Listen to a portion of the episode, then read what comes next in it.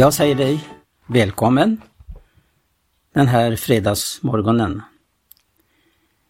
I det här programmet som eh, nu räcker den här 30 minuterna så vill jag tala om, man kan säga, tidens mest impopulära budskap. Och då handlar det om korsets budskap som är en Guds kraft för den som blir frälst, blir räddad.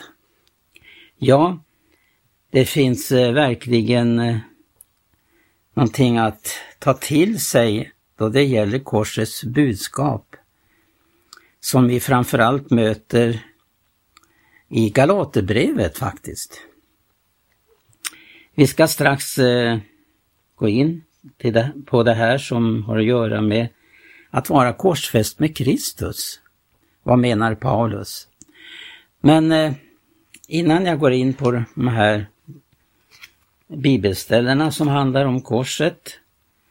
Det finns ju också både i Romarbrevet, det finns i Filipperbrevet, Efesebrevet och vi ska titta också vad Bibeln säger om vår tid, hur det är i vår tid och i förhållande till budskapet om korset. Jag har uppmärksammat en bok som heter Det radikala korset. Toser har skrivit den boken. Och jag ska be Gertrud läsa dels vad som står eh, hämtat på baksidan av boken från eh, ur omhuldad eller korsfäst. Omhuldad eller korsfäst. Och sen finns det också några ord som jag vill föras vidare som står i den här boken på sidan 60. Och där handlar det om det gamla korset. Ja, du läser först det som står här på baksidan. Ja, det står så här.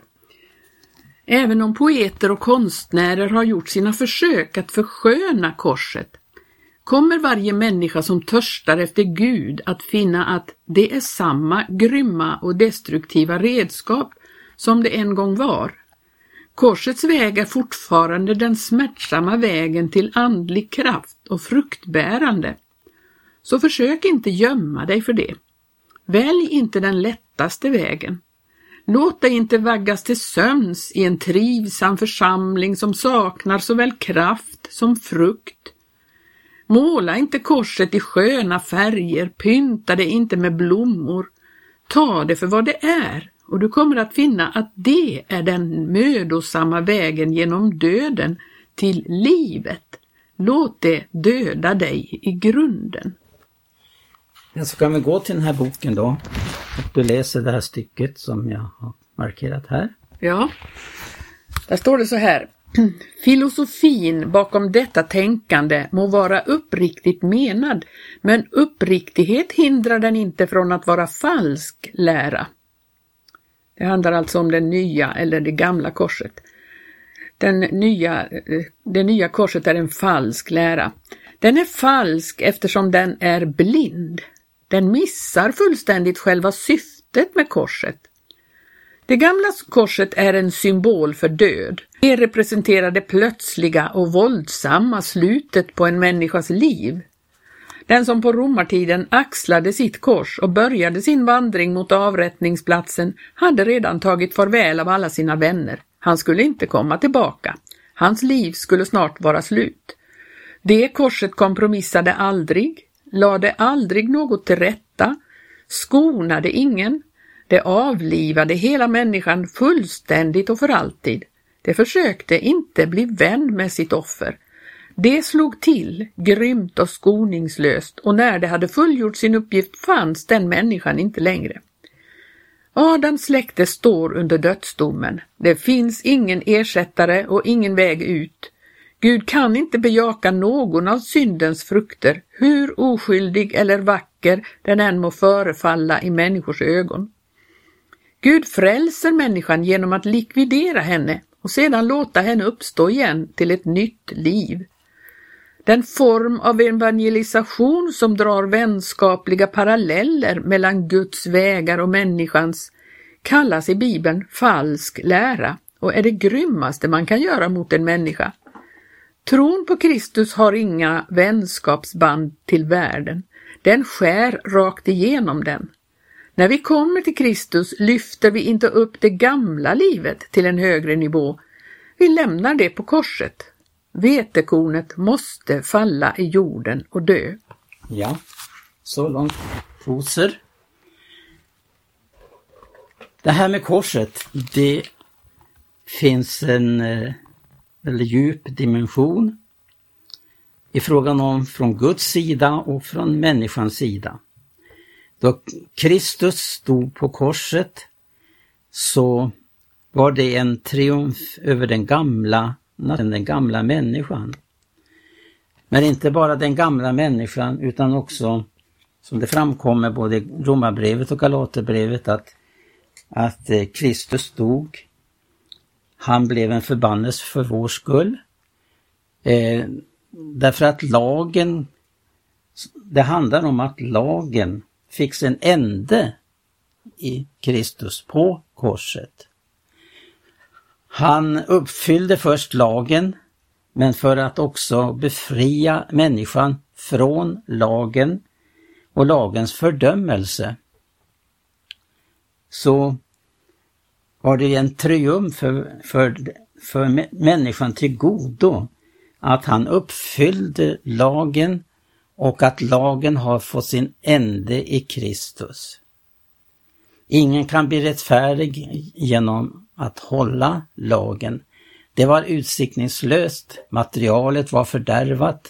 Det enda som duger, det var att människan skulle förenas med Kristus på korset, att få ett slut. Det finns ingenting att bygga på, den gamla människan. Eh, därför så måste människan förenas med Kristus på korset för att hon ska få uppleva också att det eh, korset handlar om. Den ingriper i alla människans eh, livssituationer. Och det är frågan om om korset får inflytande i våra tankar, ord och handlingar. Korset, det eh, är ju ett, dels en början men också, eller ett slut men också en början. Det är Guds början till någonting nytt. Därigenom att människan får bli delaktig av gudomlig natur. Det handlar inte bara om, om lagen. Det handlar också om eh, vårt jag, vårt kära stora jag. Som någon har sagt, vad finns det väl på jorden någonting skönare än mitt stora jag? Men där hänvisar Guds ord till korset. Och Paulus säger triumferande att han är korsfäst med Kristus, korsfäst för världen. Han har upplevt en befrielse från jagets liv här i tiden genom att eh, mottaga Kristi fullbordade verk för att därigenom eh, uppleva uppståndelsekraften. Det blir aldrig någon uppståndelsekraft om det inte finns en, först en död. Döden, det är det som är befrielsen. Ja, till och med någon har sagt att om man inte den första döden så får man uppleva den döden. Då handlar det om vår, för, vår, för vår vistelse för tid och evighet. Ja, jaget, det kan endast vi uppleva bli korsfäst genom att vi får uppleva Guds kraft i detta. Gud, Guds ord som hänvisar en väg. Och den vägen, den är smal den och porten är trång för människan. Men genom att anamma korset och dess innebörd så uppenbaras också Guds kraft. Det finns ingen möjlighet att människan i sin egen kraft kan eh, uppleva att hon är korsfäst med Kristus. Att till exempel också som Paulus säger att han var korsfäst för världen och världen för honom. Det var ett slut, avslutat kapitel. Då kom vi in på världen. Ja, vad världen representerar, det har Gud gjort en uppgörelse med på korset. Den gamla världen är under fördömelsen och människan som lever i världen drivs av en furste som är furste över luftens härsmakt. Så är tillståndet utan att uppleva Guds frälsning. Att få uppleva att eh, genom en ny natur, en ny, att vara en ny skapelse, få uppleva att detta nya äh, livet det börjar bära frukt i en människas liv när hon vandrar korsets stig. Men några ord först med, med tanke på vårt kära stora jag, som alltid vill gå sin väg. Men vi har accepterat vad Guds ord talar om, det som tillhör vårt gamla liv, vår egen art. Så får vi då erfara att eh, Gud har en underbar lösning på detta genom att eh, Jesus tog inte bara lagen, synden, utan också jaget med upp på korset. Det var nödvändigt för Jesus att dö på ett kors. Och från den dagen han blev fylld av den heliga Ande kom den heliga Ande att leda Jesus Kristus, Guds son, till korset. Så är det också, det handlar om att vara Jesu efterföljare, efterföljare att eh, anden leder oss till korset för att korset ska få inflytande över våra liv. Som jag sa här i början så är det det här budskapet om korset det mest impopulära budskap för vår tid. Men eh, det ska jag ta upp eh, strax. Jag vill i alla fall betona detta med vår inställning till jaget. För så här skriver till exempel en helgelseförkunnare, Emil Gustafsson. O Jesus, min Jesus, mitt hjärta intag och fräls mig så helt från mitt själviska jag, att det bliver himmel på jord för mig och att dela vår glädje och smärta med dig.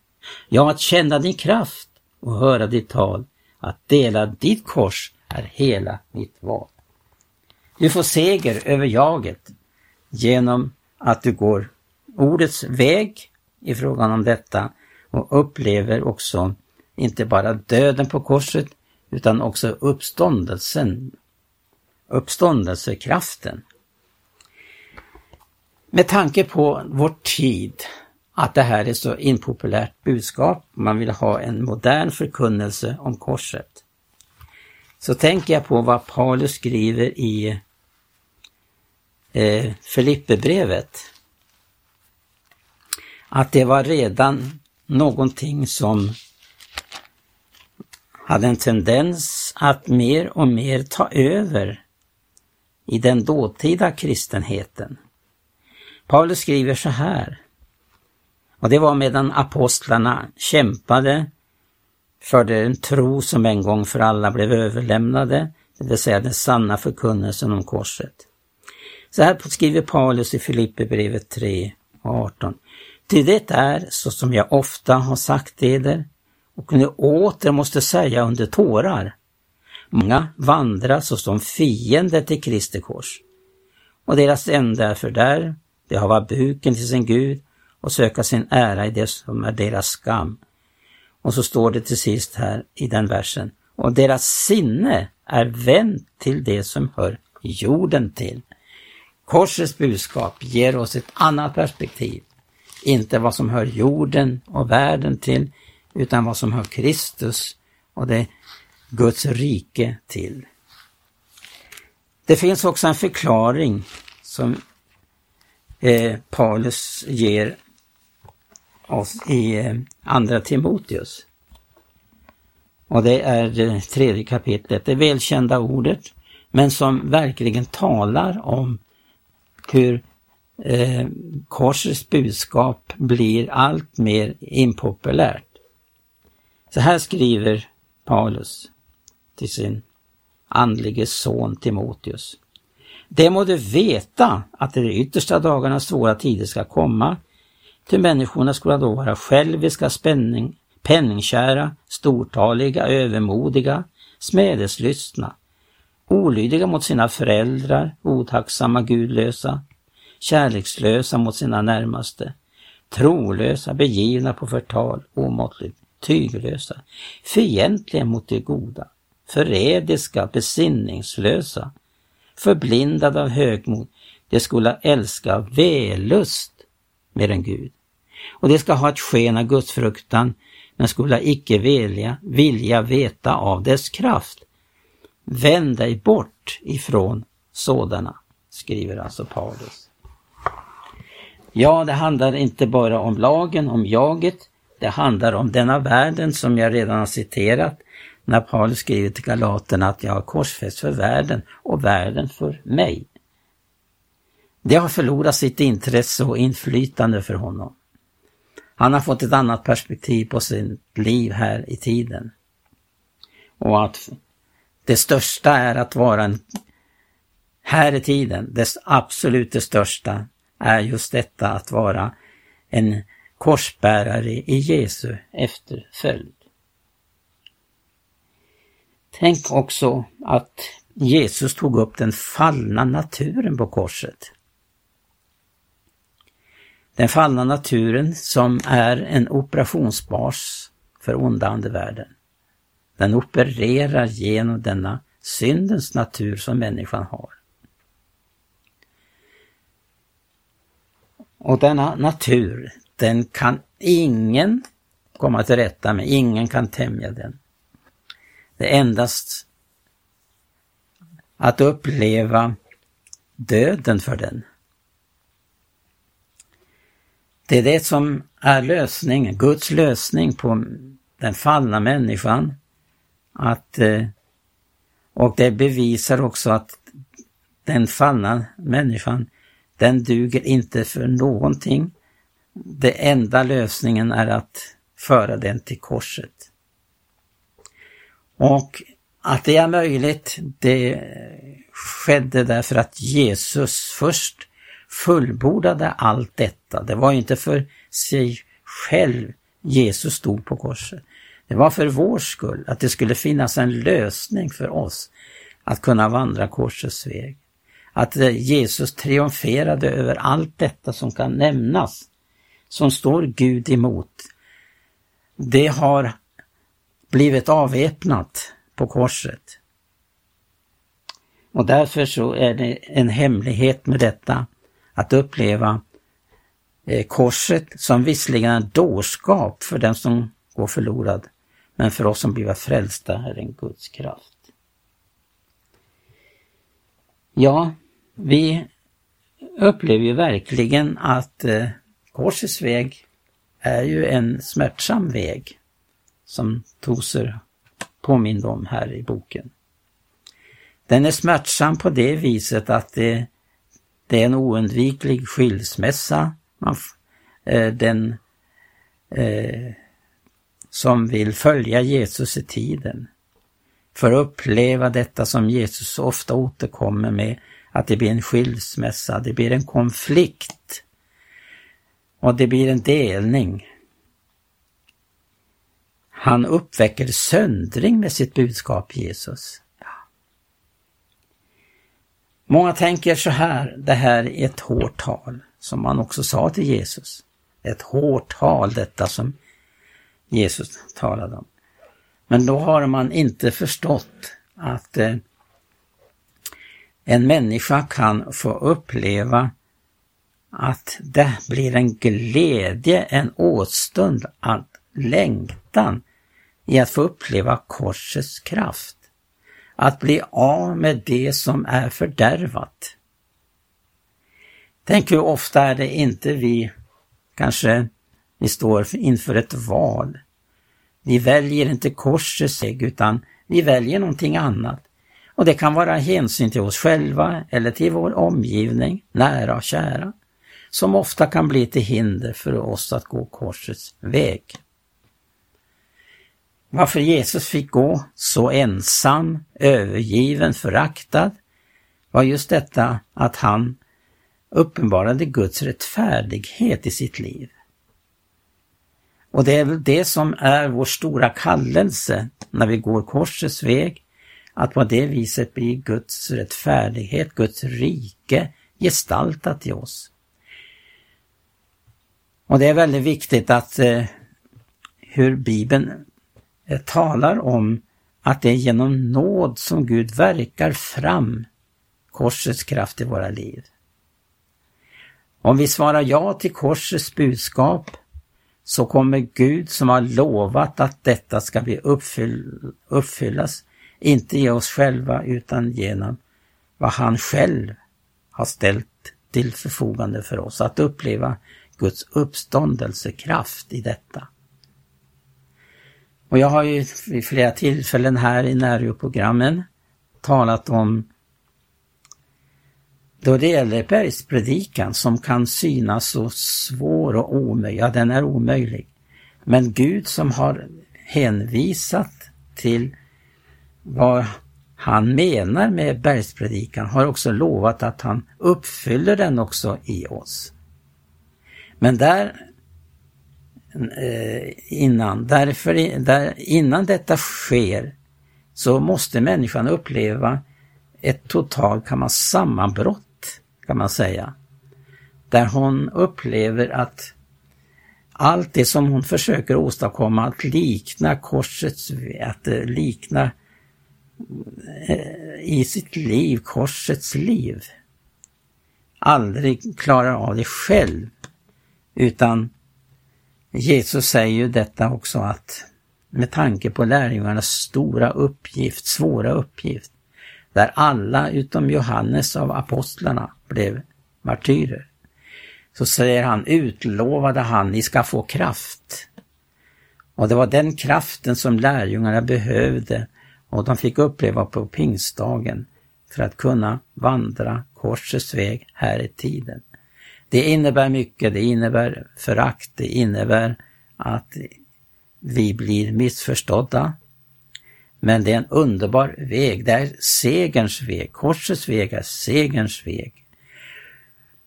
Och jag vill alltid återigen påminna att där Gud har lovat att detta ska uppfyllas i oss, om vi är villiga att säga ja till korsets väg, säga nej till oss själva, så uppfyller Gud resten åt oss i Jesu namn. Tack för att du har lyssnat. Jag heter Tage Johansson och återkommer nästa fredag igen, samma tid.